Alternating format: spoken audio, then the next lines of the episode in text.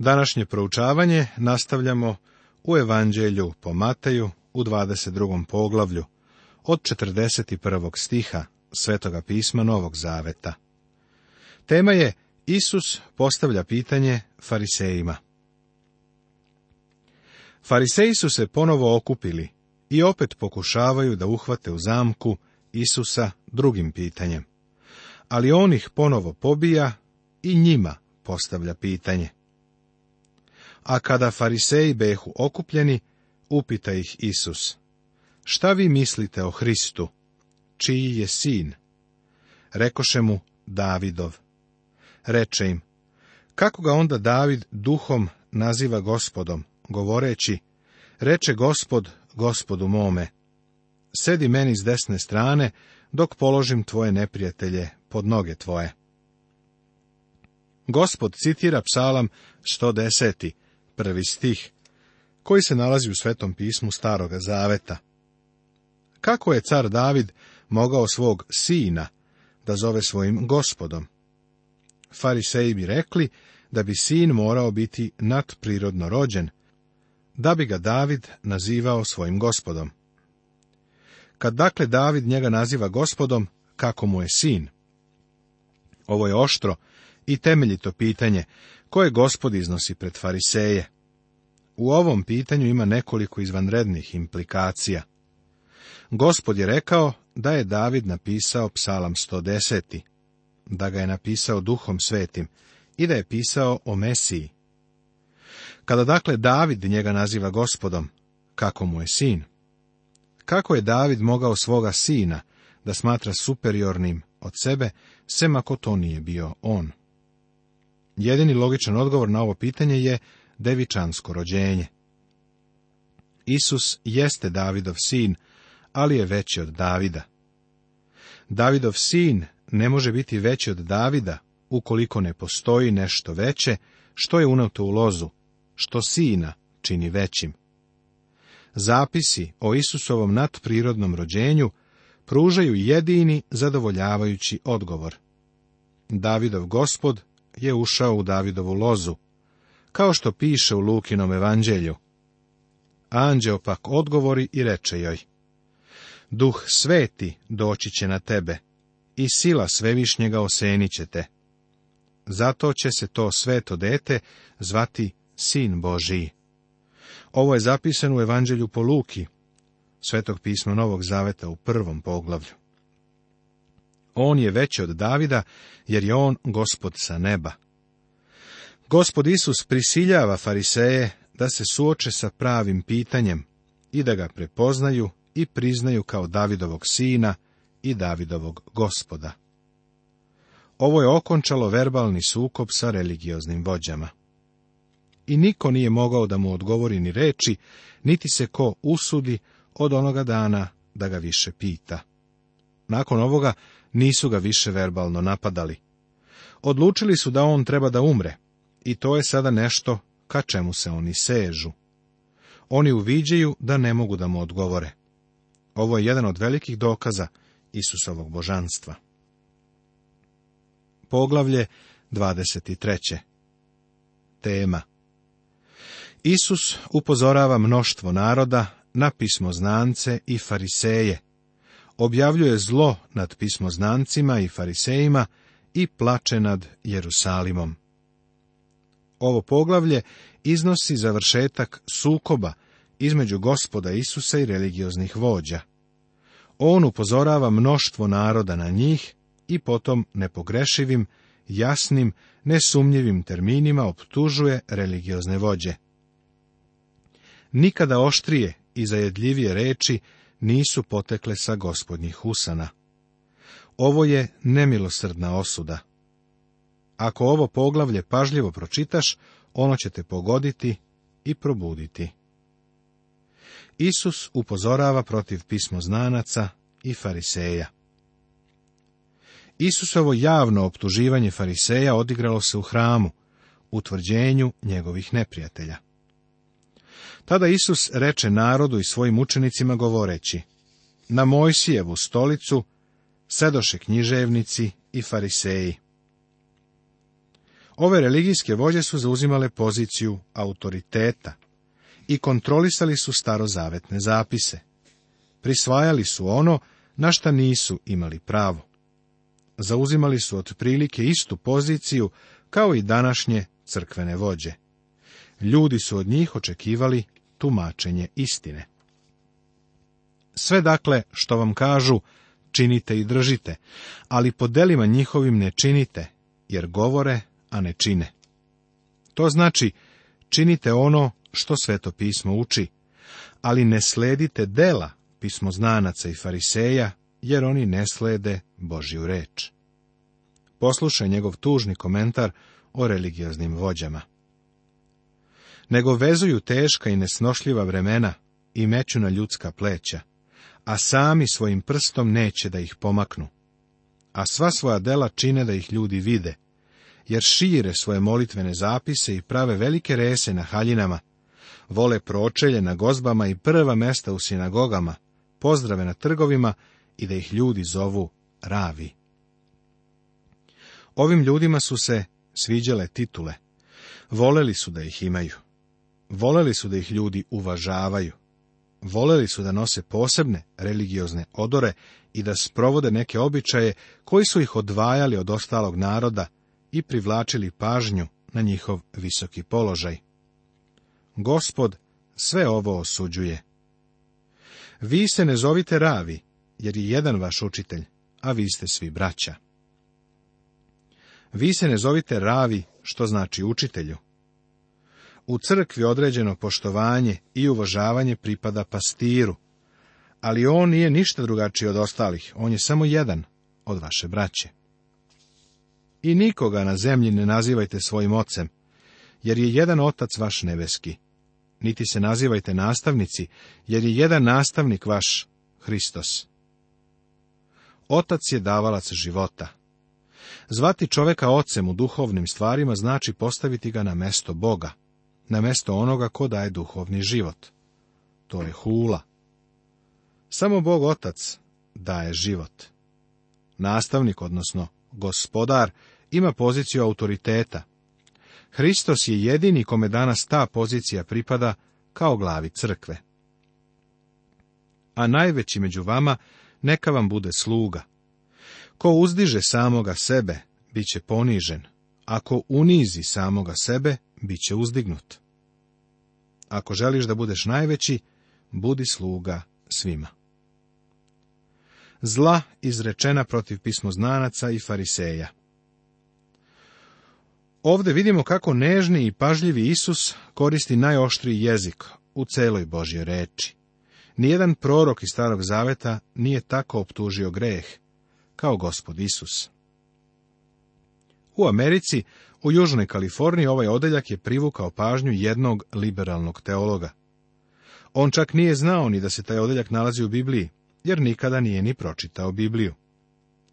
U našem vremenu postoji nerazumevanje toga ko je stvarno gospod Isus. Liberalizam odaje utisak da sve o čemu je on ikada govorio bilo o ljubavi. Jedan od natpisa koji su nošeni na protestnom maršu u Kaliforniji pre više godina bio je slogan Isus da, crkva ne.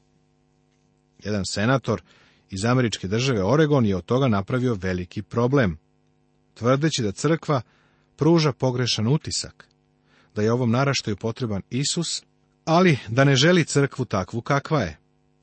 Slažem se sa tim da crkva generalno gledajući odaje pogrešan utisak, ali je glavni problem to da oni stvarno ne razumeju ko je Isus. On nije dete ljubavi, kako liberali smatraju. Svakako je istina da on voli grešnike i da je za njih umro, ali on će i suditi grešnicima. Treba ispravno da ga sagledamo. Prema tome, on je onaj koga pogrešno shvataju u našem vremenu. Prosečna koncepcija o gospodu Isusu čak nije ni biblijska. Na primjer, jednog liberalnog teologa sam ovo upitao. Da li je Isus u koga ti veruješ devičanski rođen? On je rekao ne. Da li je umro na krstu za grehe sveta? Da li je telom ustao iz groba? Ne. Pa volao bih da znam da li se zna pravo poreklo tog Isusa. Ne postoje nikakvi dokumenti koji pružaju bilo kakvu informaciju o tom Isusu koji je živio u prvom veku. Jedini dokumenti koje imamo govore nam o onome koji je devičanski rođen, koji je činio čuda, koji je umro za grehe sveta, ustao iz mrtvih, uzneo se na nebo i koji će se vratiti na ovu zemlju kao sudija. Prijatelju, ovaj Isus nije danas mnogo poznat ali je ipak to jedini Isus Hristos koji je ikada živeo, a onaj drugi je samo plod mašte. Slušaj šta on govori dok izriče zlo nad pismoznancima i farisejima. Ovo je oštar jezik. Zla protiv pismoznanaca i fariseja. Isus sada iznosi dugački spisak nepovezanih optužbi protiv religioznih vođa teško vama, književnici i fariseji, licemeri, što zatvarate carstvo nebesko pred ljudima, jer vi ne ulazite, niti puštate unutra one koji hoće da uđu. Gospod osam puta u ovom odeljku koristi termin teško, a pismoznance i fariseje sedam puta naziva licemerima.